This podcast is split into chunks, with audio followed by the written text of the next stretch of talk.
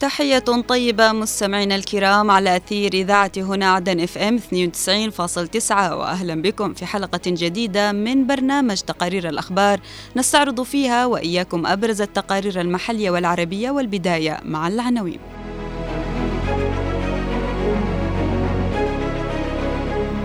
افتتاح مبنيين في إدارة العاصمة عدن بتمويل إماراتي. تحت شعار قرن من الإعلام والترفيه والتثقيف يحتفل العالم اليوم باليوم العالمي للإذاعة. الأطفال وقود الحرب على قطاع غزة.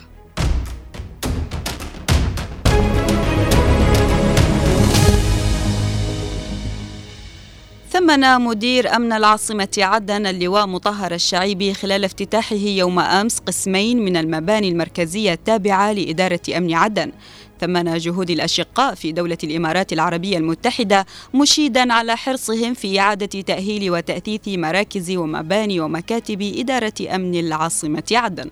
المزيد من التفاصيل في سياق التقرير التالي.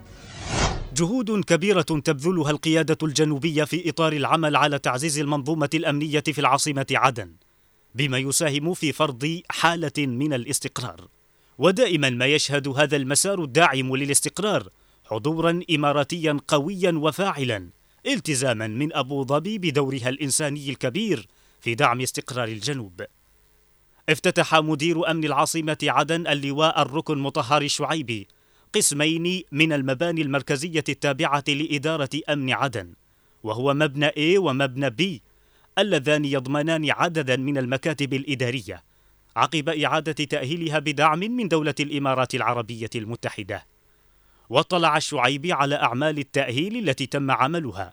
وكذا ما تم رفدهما من تجهيزات ومستلزمات من أجهزة إلكترونية وآلات طباعة حيث بلغ عددها 25 جهاز كمبيوتر وعشر آلات للطباعة ضمن مشروع تأهيل القدرات الأمنية.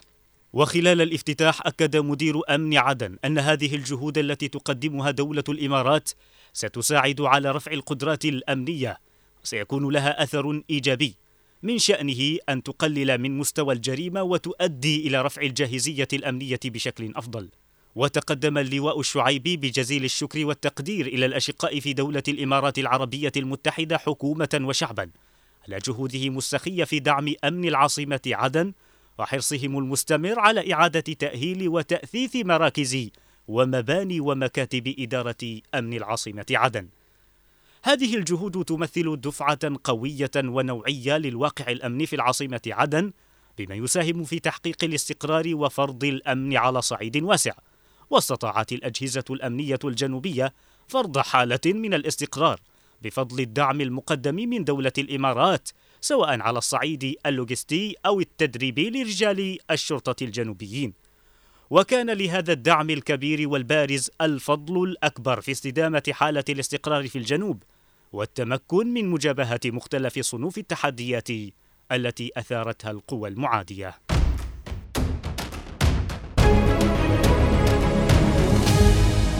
يحتفل العالم اليوم الثلاثاء باليوم العالمي للإذاعة والذي يوافق الثالث عشر من فبراير من كل عام تأكيدا على أنها ما زالت مصدرا للإعلام والترفيه من الصف الأول رغم التأثير المتزايد للإنترنت ومواقع التواصل الاجتماعي إذ تشير التقديرات إلى أن عدد مستمعيها تخطى الأربع مليارات ويتزامن احتفال هذا العام مع مرور مئة عام على أول بث إذاعي مباشر على الأثير. نتابع التفاصيل في التقرير التالي.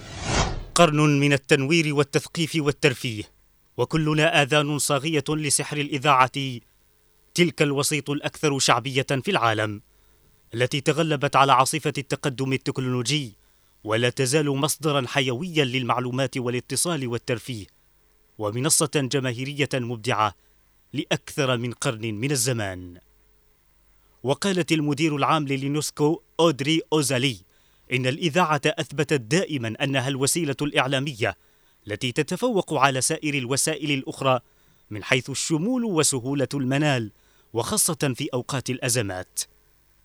الإذاعة هي قوة الكلمة المنطوقة في سرد القصص التي تعززها الموسيقى والعاطفة متجانسة مع القدرة الرائعة للدماغ البشري والوعي على توليد الخيال. ما يحده هنا فقط هو مهارات مذيعية لغوية وقوى الملاحظة والعاطفة والشغف لديهم ليجعل من الراديو مسرح العقل. وهنا في الجنوب كان للإذاعة تأثير تاريخي حيث ولدت من رحم إرهاصات الثورة ضد الاحتلال البريطاني في السابع من أغسطس عام 54 حيث كان هدف السلطات البريطانية نقل أخبار دول التحالف بعد الحرب العالمية الثانية. لكن الكادر الجنوبي كان يسعى لخدمة المستمع وللتهيئة للثورة الجنوبية. واستطاعت الإذاعة أن تكون سلاحا مجديا فعبر أمواجها الأثيرية ساهمت بإيصال الرسالة في الدفاع عن الوطن من براثين الاحتلال البريطاني وبعث الثقة في نفوس الجنوبيين آنذاك في الظفر بالعدل والحرية وقيم دولتهم المستقلة. واستمرت في تأثيرها حتى يومنا هذا بالرد على المد الفارسي الحوثي وكل من تسول له نفسه العبث في هذا الوطن الجلي. قوة الإذاعة لا تكمن فقط في تقنيتها ولكن في قدرتها على الاتصال والإعلام والترفيه والتعليم. إنها صوت لمن لا صوت له ونافذة على العالم البعيد. وهذا ما يترجمه على أرض الواقع الإعلام المسموع مثل إذاعة هنا عدن الذي تبناها ورعاها قيادة المجلس الانتقالي الجنوبي والذي يمضي اليوم بقيادة الرئيس القائد عيدروس الزبيدي بالاتجاه في الارتقاء بالرسالة الإعلامية الجنوبية وتحسين وتجويد القدرات الإعلامية لا سيما في مجال الإذاعة والتلفزيون الجنوبي.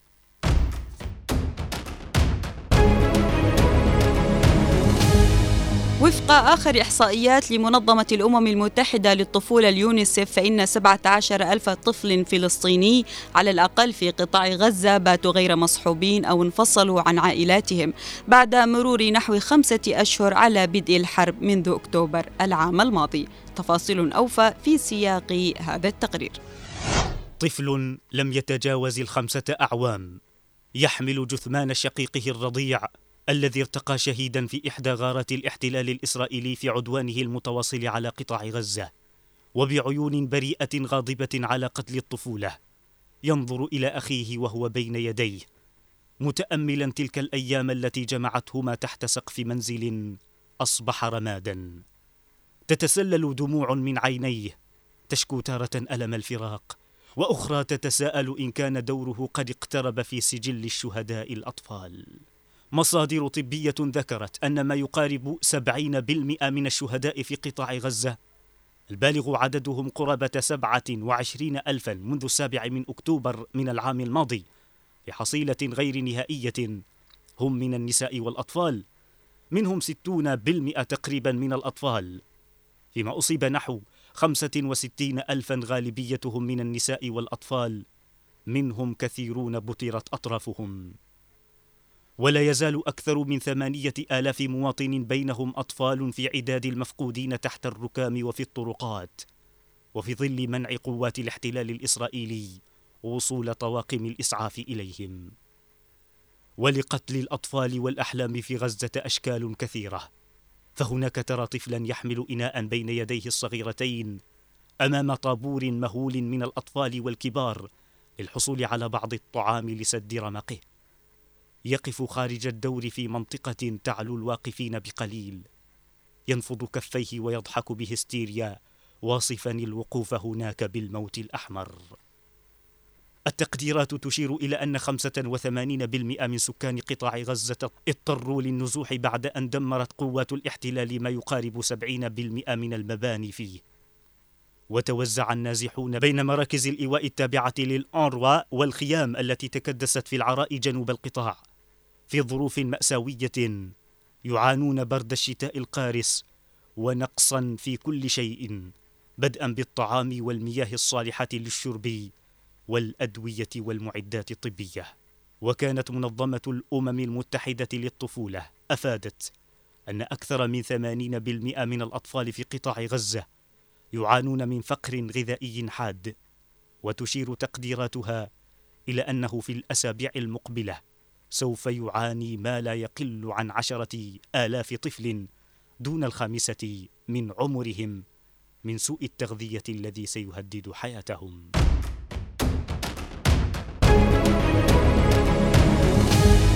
إلى هنا نصل مستمعينا الكرام إلى ختام هذه الحلقة من برنامج تقرير الأخبار. كنت معكم من الإعداد والتقديم عفراء البيشي ومن الإخراج نوار المدني أطيب التحية. إلى اللقاء.